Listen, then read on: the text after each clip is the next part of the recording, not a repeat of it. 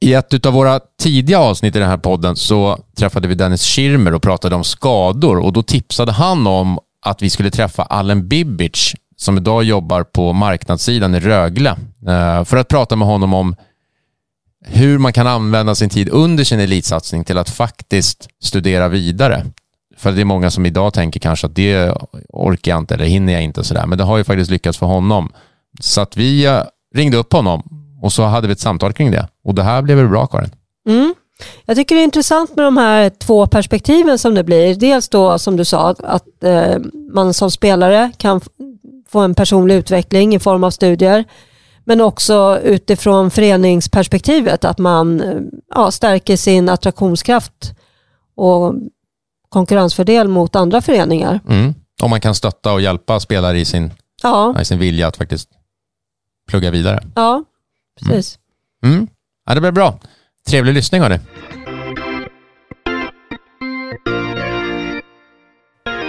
Hej! Idag har vi en gäst med oss som heter Allen Bibic. Säger man ditt namn så? Det är helt rätt, helt korrekt. Allen Bibic. Jag har ju hört så många olika, många olika versioner på mitt namn, men du, du uttalar det helt rätt. Ja, bra. Magnus har ju tränat här då. Eh, varmt välkommen till våran podd här idag. Tack så jättemycket. Jättekul att vara med. Tack så mycket. Och du är med på länk. Du befinner dig i Ängelholm va? Ja men exakt, det stämmer, det stämmer bra. Jag eh, befinner mig i Ängelholm just nu med tanke på att det är arbetstid när vi spelar in det här och jag jobbar ju för jag jobbar för Rögle BK här nere i Skåne, bor i Helsingborg gör jag faktiskt. Så det är ett litet pendlingsavstånd här emellan. Men för tillfället är jag i, i Ängelholm. Och berätta, vad, vad är det, hur ser din karriär ut inom hockeyn? Min karriär eh, ser väl ut på det sättet. Egentligen går det långt bak i tiden. Där jag, eh, jag kan väl börja med att jag, jag är en kille som, som har en invandrarbakgrund. Föddes i Serbien, eh, var ett år gammal och eh, Eh, då startade ju kriget i forna Jugoslavien och då valde mina föräldrar att fly.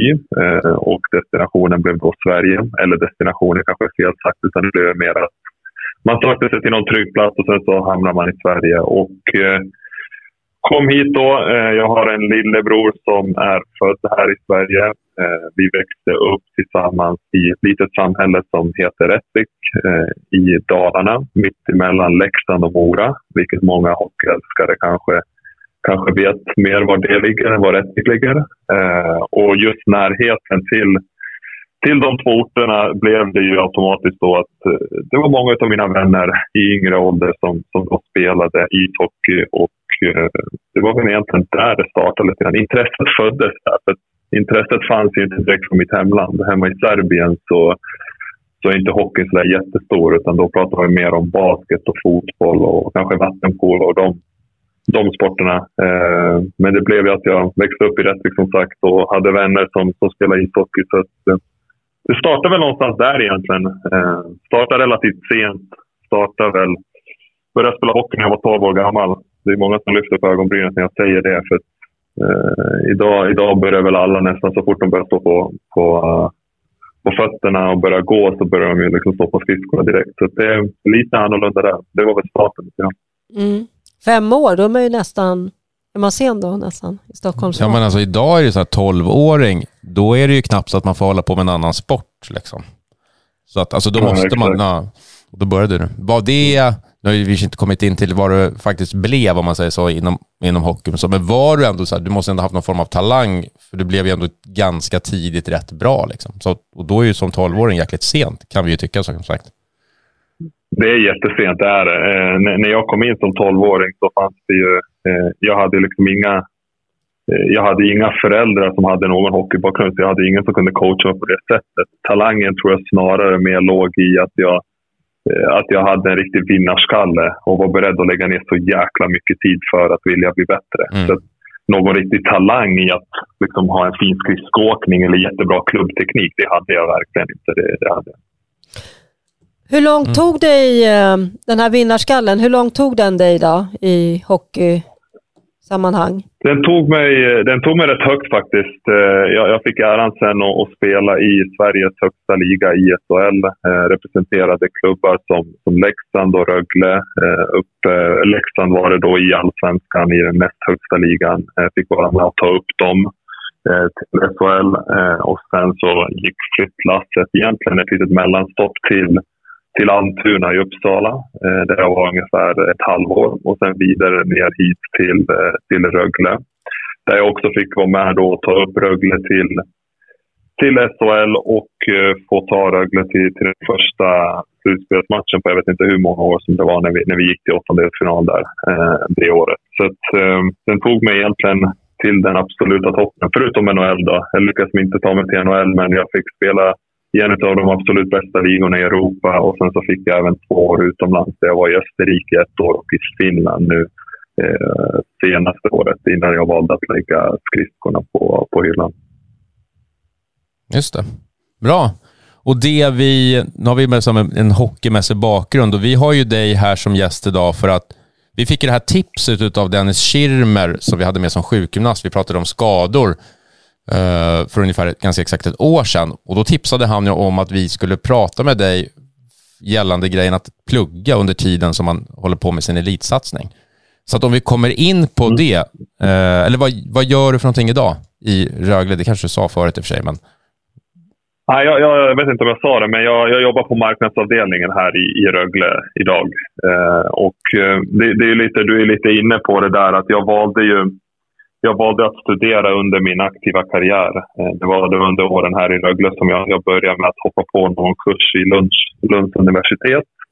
Eh, kände lite att eh, ja, men jag kan väl pendla dit kanske och, och starta kursen lite grann. Var lite osäker på hur länge jag skulle bli kvar i Rögle för jag hade ju bara ett års kontrakt då. Eh, men den kursen blev det ingenting av. Det, blev lite, det var lite svårt att pendla och vara på plats. Så där. Och sen året efter var det väl någonstans där jag hittade ett distansprogram från Gävles högskola. Eh, och det gjorde väl att jag, att jag ville hoppa på det programmet lite. Att just att jag såg en början och så såg jag ett slut. Att jag kunde liksom här borta någonstans lite längre bort kunde jag gå i mål eh, och få ha en examen i handen. Eh, och det är många som frågar sig egentligen varför, var, varför jag gjorde eller var drivkraften låg någonstans. Och den tror jag låg mycket i att jag var jag var nog aldrig någon riktig... Du, du nämnde det här i början av podden ifall jag hade någon talang. Jag var nog aldrig någon riktig talang inom ishockeyn. Visst hade jag en riktig vinnarskalle. Visst var jag beredd att lägga ner jättemycket tid på träning och hela den biten. Men att starta som tolvåring och ta för givet att jag skulle kunna leva på min ishockey, det kunde jag aldrig göra. Eh, det gjorde att jag i princip eh, studerade först på gymnasienivå. Egentligen så la jag en jättebra grund Eh, där, där jag gick ut gymnasiet med relativt bra betyg. Och sen så kände jag när jag väl kom upp på högskolenivå och blev seniorspelare att eh, det känns lite onödigt att ha pluggat så mycket under gymnasietiden och inte kunna förvalta det nu. Liksom. Så det gjorde väl lite att den kombinationen med att jag kunde hitta ett program som passade mig bra, där jag kunde gå i mål någonstans längre bort, gjorde att jag jag hoppade på det programmet. Eh, för att jag, jag förstod att en vacker dag så kommer nog, så kommer nog hockeyn också ta slut. Eh, vilket, vilket den gjorde faktiskt. Mm. Tycker du att eh, var det bra anpassat eh, från den föreningen du var i då? Var det Rögle då, när du började där i Gävle plugga? Exakt, det var Rögle. Det var, det var jättebra anpassat på det sättet att eh, att jag hade en sportchef och jag hade tränare som, som pushade mig i den riktningen. Eh, behövdes det att jag ibland kanske kunde komma lite sent på en samling så var inte det något problem. Det var liksom inte så att nej, du måste vara utan de såg faktiskt värdet i att jag, skulle, i att jag kunde plugga vid sidan om. Men sen å andra sidan så fanns det tillfällen då, då jag inte kunde då jag inte kunde utföra vissa saker som höstterminen till exempel. När man hade en tenta som låg mellan klockan nio på morgonen och två på efter lunch. Eh, den kunde inte jag göra för ofta så tränar ju vi mellan, ja men säg nio och tolv. Liksom. Så då blev det ju lite att jag själv fick lov att rodda en hel del. Så det blev ju mycket roddande fram och tillbaka och mycket av arbetsbelastningen hamnade sen på, på vårterminen. Så det blev ju att jag fick nästan göra i princip alla tentor som jag skulle haft på höstterminen fick jag ju då jobba i kassen på vårterminen när världssäsongen var slut. Så klubben var ju, de var ju pushande i den bemärkelsen att de, att de tillät mig kanske komma lite sent och sådär. Men å andra sidan så kunde ju inte jag, jag kunde liksom inte missa en hel träning, vilket jag inte heller, vilket jag inte heller liksom trodde att jag skulle få göra. För någonstans så håller vi ändå på, alltså det här var ju ändå mitt jobb. Eh, ishockey var mitt jobb och jag behövde sköta mitt jobb. Eh, så att, eh, det, fanns ju, det fanns ju att de var pushande på det sättet, men det var inte så att de, liksom, de kunde inte tillgodose allt egentligen, så att jag verkligen kunde göra de, de tentamen där på, på höstterminen. Så blir det såklart att det vore att anpassa och att det eh, att det är lite grann upp till dig såklart när det gäller planering och så. Jag vet ju själv, jag har lyssnat på, du och, och din brorsa Almen har ju, en, har ju också en, en hockeypodd där ni har tagit upp det här ämnet och då pratar du mycket om just att planera och strukturera och att det blev viktigt för dig för att, du, för att den här kombinationen skulle fungera. Kan du berätta lite grann kring det? Nej, men verkligen. Det, det var ju nyckeln någonstans. Att jag, jag vet att jag satte mig inför varje läsår, vilket då, alltså ett läsår och en säsong gick ju i varandra. För över sommaren så hade ju inte jag någon säsong. Över sommaren så hade man inte, då var inte läsåret igång heller. Så det blev att jag satte mig inför läsåret och, och kollade först på SHL-schemat då. Eh, eller ja, själva liksom spelschemat som vi hade. Och sen så tog jag fram de kurserna som jag hade då, kanske den terminen framför allt. Då. Mm. Eh, och försökte liksom planera in men hur behöver jag lägga upp arbetsbelastningen. Vilka dagar kan jag plugga mer? Vilka dagar kan jag plugga lite mindre? För jag menar, är det en matchdag så vill jag inte sitta där och plugga heller. Så jag, var, jag var tvungen någonstans att ligga jättemycket i framkant. Så ibland kanske jag gjorde klart vissa uppgifter eh, två veckor innan deadline. För jag var tvungen, för jag visste att två veckor sen skulle jag komma någon dag innan deadline och vilja göra dem så hade jag inte kunnat göra dem. För då hade jag kanske haft två matcher på raken som jag måste koncentrera mig på. Så jag var ju tvungen att verkligen planera långt in i framtiden. Och jag var tvungen att ha kontakt med läraren. Jag var tvungen kanske att få material mycket tidigare än vad andra fick. Så det blev en hel del råddande. Man var tvungen liksom att, att kunna se kunna se spelschemat, kunna se egentligen läsåret från ett helikopterperspektiv för att kunna få ihop det.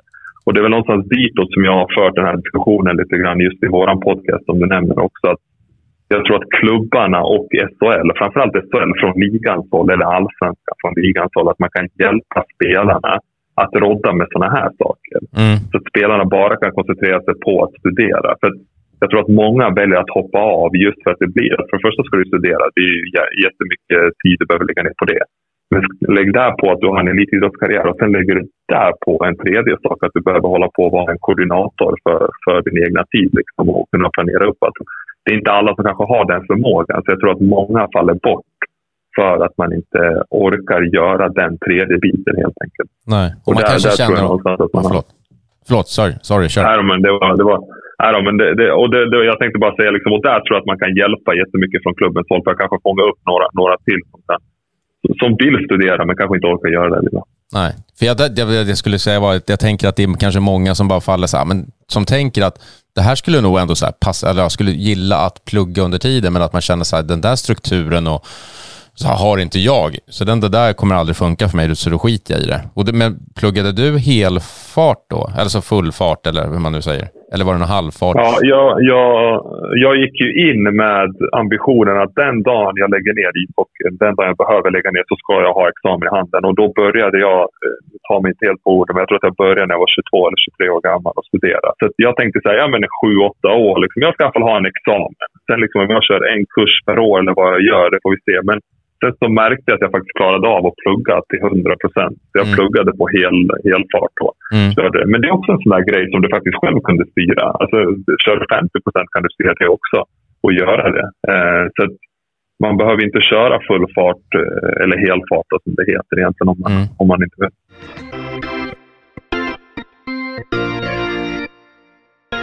Vi är sponsrade av Athletic Work Athletic Work är ett bemanning och rekryteringsföretag som hjälper personer med någon form av idrottsbakgrund på alla nivåer. Från idrotten får man med sig goda egenskaper som är viktiga på arbetsmarknaden. Viljan att vara bäst och prestera sitt yttersta på tävlingsplanen, som på arbetet, är det mål som Athletic Work och deras konsulter strävar efter. Athletic Works vision är att skapa ett idrottslag på arbetsmarknaden. Det har idag hjälpt flera personer ut på arbetsmarknaden och av egna erfarenheter vet jag att kontakt med Athletic Work faktiskt leder till jobb. Så om du letar efter ett nytt jobb, tveka inte att höra av dig på www.athleticwork.se. Tack Athletic Work!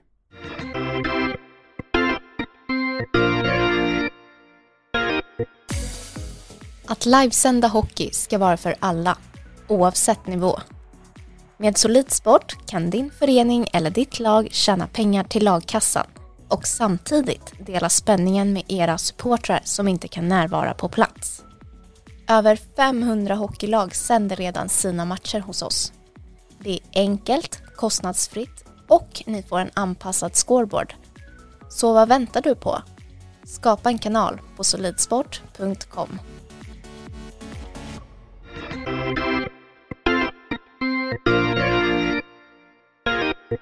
Jag skulle vilja komma in lite på det här mentala. Många pratar ju mm. om det här med eh, att, man, att det är bra sådär att koppla, koppla av och koppla på hjärnan. Eh, är det något som du kände att, att det blev, att det var, vad säger man, att man fick som en, ett utrymme av, av lite space från hockey när du pluggade eller hur kände du? Jo men det, jo, men det blev det ju verkligen och det, det vet jag också att jag har varit ute i i vissa, vissa intervjuer och sagt det att när jag var ute på, på hockeyplanen och, och körde där, liksom, då, blev det, det, är en press. Alltså det är en pressad miljö man lever i. För du ska ju prestera varje träning, varje match. Och du har jättemånga ögon som kollar på dig och betygsätter dig. Tänk dig egentligen, ja, men för, för en vanlig lyssnare som kanske sitter på en vanlig arbetsplats. Tänk dig att någon ska egentligen kolla på dig och betygsätta dig match eller dag efter dag efter dag hela tiden. Det, det är egentligen den pressade miljön man är på när man är elitidrottsmänniska. Eh, och det, det, det, har inte jag några problem med, men det betyder också att man ibland måste hitta sitt lilla space där man kan kanske koppla bort den delen till 100 procent. Innan jag började plugga så blev det ju att jag, man är ute, man tränar, man, man kör den biten kanske som jag sa där mellan 9 och fram till lunch och sånt. Men sen gick man ju hem så började man liksom grubbla med hur gjorde jag den passningen, hur gjorde jag det? Man började liksom utvärdera hela Så var det dags att sova och sen fortsatte man så liksom nästa dag hela tiden. Så du fick aldrig det där lilla spacet som man kanske behöver. Det, det, det, kände jag när jag började plugga. Ja, det krävdes så mycket koncentration av mig så att när jag var inne i böckerna och koncentrerade mig på den biten då kopplade jag bort hockeyn helt och hållet. Så det i sin tur gav mig energi till hockeydelen. Men när jag var ute liksom på plan och körde den biten, det gav mig energi till, till att liksom studera. Så man kan säga att de två sakerna egentligen på något sätt gav energi åt varandra. Så det tyckte jag var det tyckte jag var jättenyttigt eh, för min del. Eh, men, sen har jag också en sån annan grej som det mentala. Nu valde jag att lägga ner min karriär här när jag var 30 år gammal. Och det är egentligen rätt ordval att jag valde att göra det. Eh, jag hade den möjligheten. för Jag hade skolan, jag fick ett jättebra jobberbjudande här i Rögle. Som jag tror har mycket att göra med just för att jag hade den bakgrunden med att jag pluggade vid sidan om att jag kunde då välja vid 30 års ålder att nej, men nu, nu tycker jag att det är dags att gå vidare. Eh, sen har jag haft en bror, eller jag har en bror som också har blivit skadad. För honom var det lite tuffare. Han pluggade inte vid sidan om på samma sätt. Så han sa ju det, han gick hem och, hem och grubblade jättemycket vad ska han göra nu efter karriären. Så det blir en mental avlastning också när du känner att jag har faktiskt någonting annat som jag kan gå över till och någonting annat som är så att man inte bara identifierar sig med... Det blir ofta att man liksom lägger ett likhetstecken mellan personen Allen och ishockeyspelaren Allen. Och sen när man plockar bort ishockeyspelaren Allen då kanske man är lite lost. Liksom. Här kände jag lite grann att jag balanserade upp det. Att jag är inte bara ishockeyspelaren Allen, jag kan faktiskt någonting annat också. Vilket hjälpte mig jättemycket när jag, när jag väl eh, tog beslutet att, eh, att lägga ner. Mm. Jag, jag, jag, drar liknelsen här. Eh, det, vi hade avanza här i ett eh, avsnitt och han pratade om det här att man kunde också ha en ekonomisk press och det kunde också gå ut över hur man presterar i hockeyn. Och det här är ju lite samma. Alltså, det blir lite att man har som en fallskärm för sig själv. Att man pluggar man så kan man då tänka att det finns något annat sen om jag menar inte att man ska gå och tänka att det kan hända något, eh, någon skada och sådär, men eh, möjligheten, eller vad säger man, inte möjligheten. risken snarare kanske. ja, risken menar jag såklart, eh, är ju ändå överhängande. Eh, men, ja, men det är den. Det är den ju. Mm. Jag, jag, tänker också på det här, du säger ju det här med pressad miljö, eh, för att man ni blir bedömda och sådär hela tiden. Men du då som väldigt väl känner till det, att man kan ju må väldigt dåligt och vara pressad av olika orsaker. Hur gör du själv idag då när du är i en sån här förening som, eh, som Rögle? Så, alltså hur eh, drar du, eh, hur förvaltar du den där kunskapen till dina spelare som du har i föreningen? Nu är det som så att jag jobbar, eftersom jag jobbar på marknadsavdelningen så har inte jag riktigt den kontakten med spelare. Men jag har min bror som jag är jättetajt med och han är tränare nere på J18-nivå, vilket är första intaget till ishockeygymnasiet. Och jag vet ju att vi har diskuterat det jättemycket sinsemellan, där vi har pratat om det här med hur kan man hjälpa spelarna eh, när vi själva vet egentligen att det är så press. Jag tror aldrig att man, man kan nog aldrig ta bort den pressen helt och hållet. För du är på, på en så pass hög nivå Eh, när du kommer upp i ett A-lag. Eh, när egentligen börjar J18, J20, det är elitverksamhet. Det är elitsatsning. Så jag tror aldrig att du kan liksom ta bort det helt. Men det vi alltid har kommit fram till när jag och min bror har pratat är att man ska visa förståelse.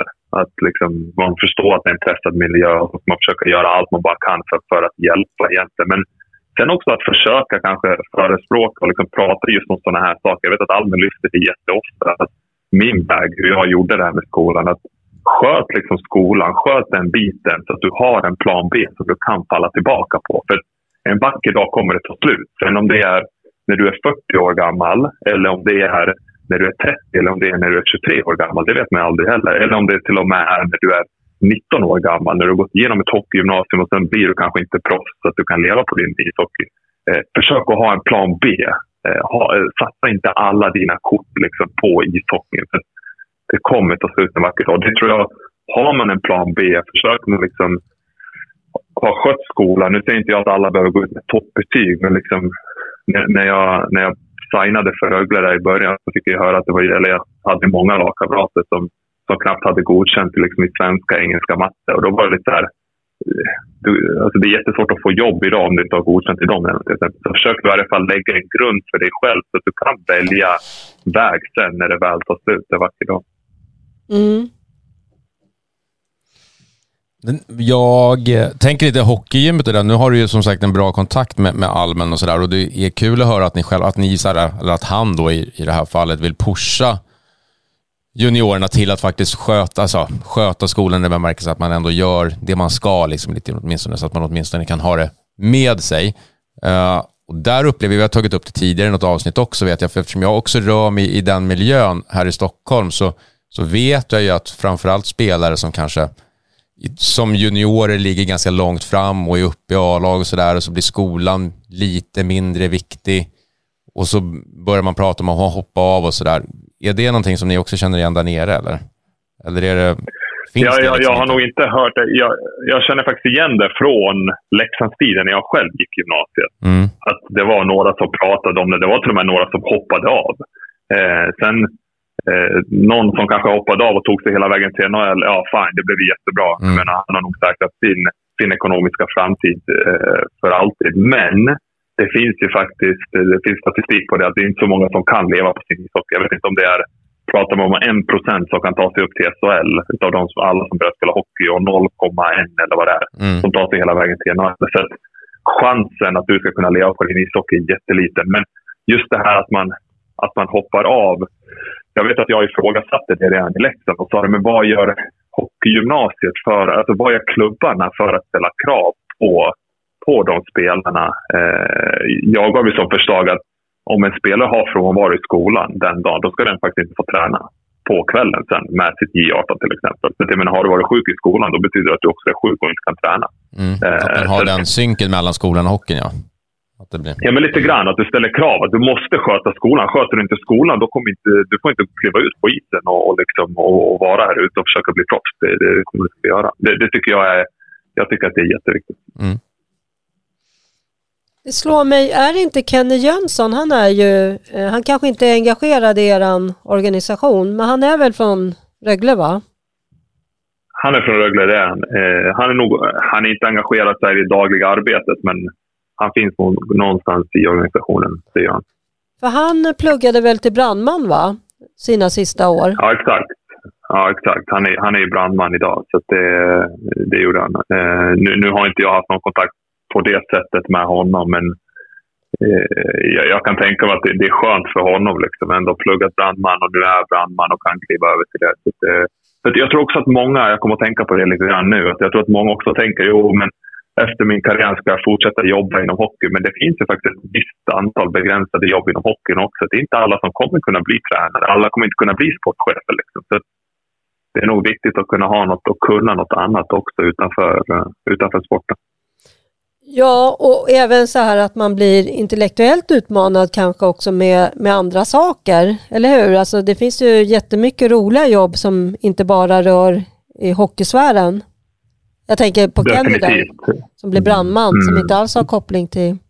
Nej, och att man faktiskt måste, Nej, kan ju göra mer praktiska, gå sådana vägar också. Att man måste ju inte gå liksom den vägen som man kanske tänker då, att man läser ekonomi eller sådana där, utan att man faktiskt kan, kan gå som lärling kanske inom någonting eller utbilda sig inom andra olika praktiska yrken. Att det också är, det måste ju inte vara något mer akademiskt. Ja, precis som man tänker mer så. Nej, exakt. exakt. Det är så sant. Och det, har jag också sagt. Alltså, det, det, det, är alltså alla människor i ett omklädningsrum, alla som är i ett lag kanske inte vill studera. Men jag tror att någonstans att, att man ska kunna ge dem möjligheterna till att kunna... Ja, men någon kanske vill gå lite mer akademiskt inriktning som du säger. Någon annan kanske vill söka sig lite mer åt det praktiska hållet. Jag tror att det är viktigt att man, att man ger de möjligheterna till, till spelarna i varje fall. Så jag tror att det är fler som kommer vilja hoppa på då. Mm. Det, det är min känsla.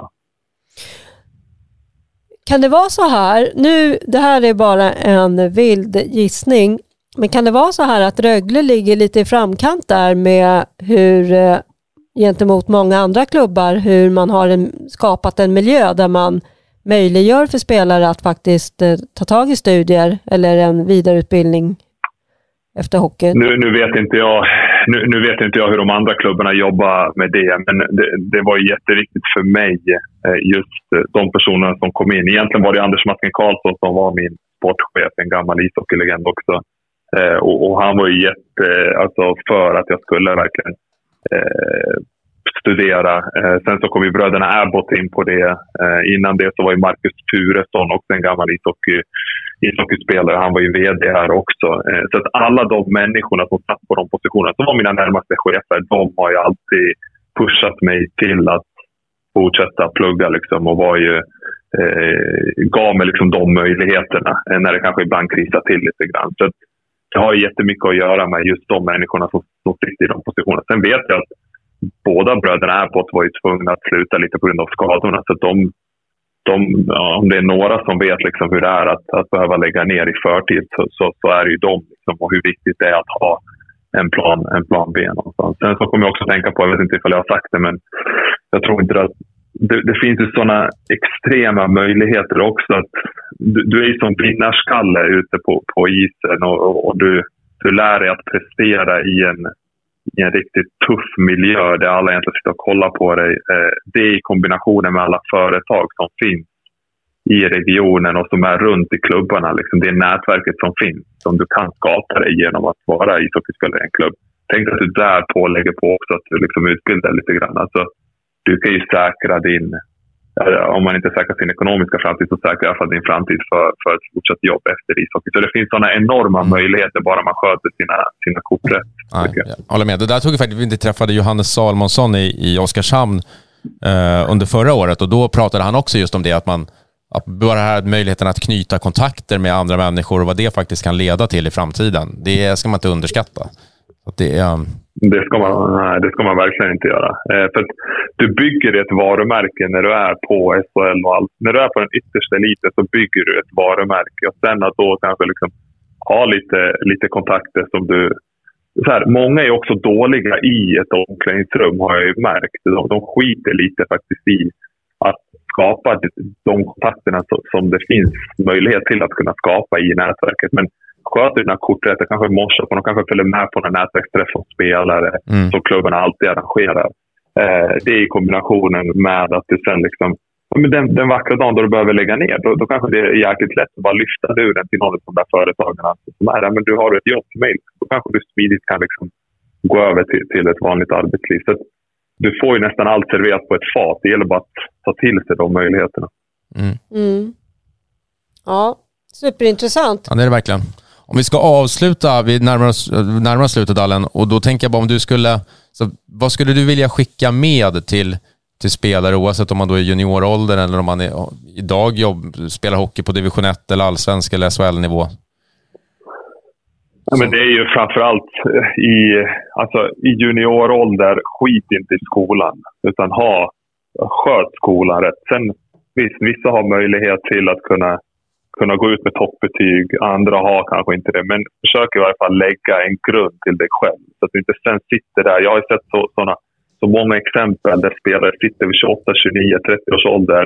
Eh, har precis skaffat familj, har massa gråtande barn där hemma Eh, får, inte en, får inte någon sömn över natten och så måste de plugga upp betyg för att de inte skötte de där tre åren på gymnasiet. Alltså, mm. Det är så onödigt att lägga den bördan senare i livet när du faktiskt har andra saker i livet som du behöver ta hand om. Så sköt skolan under juniorålder. Och sen, jag menar, när, när du kommer upp i spelardivision 1, allsvenskan eller SHL, försök kanske ta någon strökurs. Alltså hoppa på någonting och kolla ifall det är någonting för dig. Ja, men är det ingenting för dig, nej, men då är det så. Du kanske inte är en människa som, som ska studera vidare, men försök i varje fall. Försök skapa lite möjligheter till det och, och var duktig på att knyta kontakter. Alltså utnyttja, utnyttja klubbarnas eh, nätverk, för det är så många företagare som är involverade och jag tror att de tycker att det är skitkul ifall spelarna kommer ut till dem och skapar sig lite kontakter på det sättet. Så det är väl lite mina tips som, som jag skulle vilja, vilja skicka med mig. Mm, jättebra. Det är verkligen. Vi har ju faktiskt Athletic Work som vi som hjälper oss med den här podden är ju, eh, de håller på med Hockeyallsvenskan just nu. Vi kommer ha det i ett avsnitt lite längre fram, just när det gäller ju det här att hjälpa klubbar och spelare och tränare faktiskt att med studerat sy ihop eh, olika program och sådär. Så att det börjar hända någonting inom det här känns det som och att det förhoppningsvis kan sprida sig. Så just att man kan få den här hjälpen det, som du pratar om. Mm, mm. Mm. Och, och, det tycker jag är jättebra. För det räcker egentligen, ett konkret förslag är ju att man tar att Rögle här, till exempel nere i Ängelholm, skaffar sig ett samarbete med Lunds universitet som mm. har ett säte i Helsingborg. Exakt. Alltså det räcker med att du liksom gör det. Luleå uppe, att de skapar sig ett, ett, eh, ett samarbete med Luleås universitet. Stockholm, Stockholm likaså, liksom Djurgården. Eh, eh AIK för den delen. Så att liksom, skapa bara dem, alltså att man i alla fall har en kontakt in till högskolan, till det universitetet som man sen själv kan kontakta för att rodda med saker och ting så att man har lite förståelse.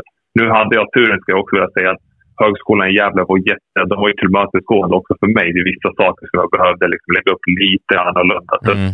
De hjälpte mig jättemycket. Men det krävdes jättemycket jobb och tills man kom fram till rätt person och, och liksom det ska mejlas och det ska ringas och det fick inte tag på någon. Så försöker i alla fall ha en fast punkt. Ja, men kontakta den här personen. Han är lite ansvarig för, för liksom just då Rögle och så att, så att man ska sy ihop det. Så att, eh, man, man kan göra det rätt så, rätt så enkelt tror jag.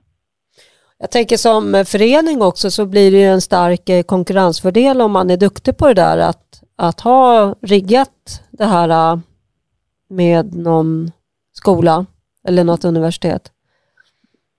Ja, men definitivt. Alltså, det är klart, när du är när du är på SHL-nivå så vill du ju, du vill ju till det absolut bästa ishockeylaget. Du vill ju ändå någonstans vinna ett guld. Men kan du då också locka med, som vi i Rögle nu, nu är vi ändå med och slåss där någonstans med guld. Kan du också locka då med att vi kommer faktiskt utveckla dig som människa också. Vi kommer också ge dig verktyg till att du den dagen då du ska, behöver lägga ner din ishockey, att du då kan liksom få en smidig övergång. Alltså, det är en riktig konkurrensfördel. Jag, jag hade gått igång på den jättemycket vid, vid en avtalsförhandling, vid ett kontraktförhandling. Och då behöver inte jag...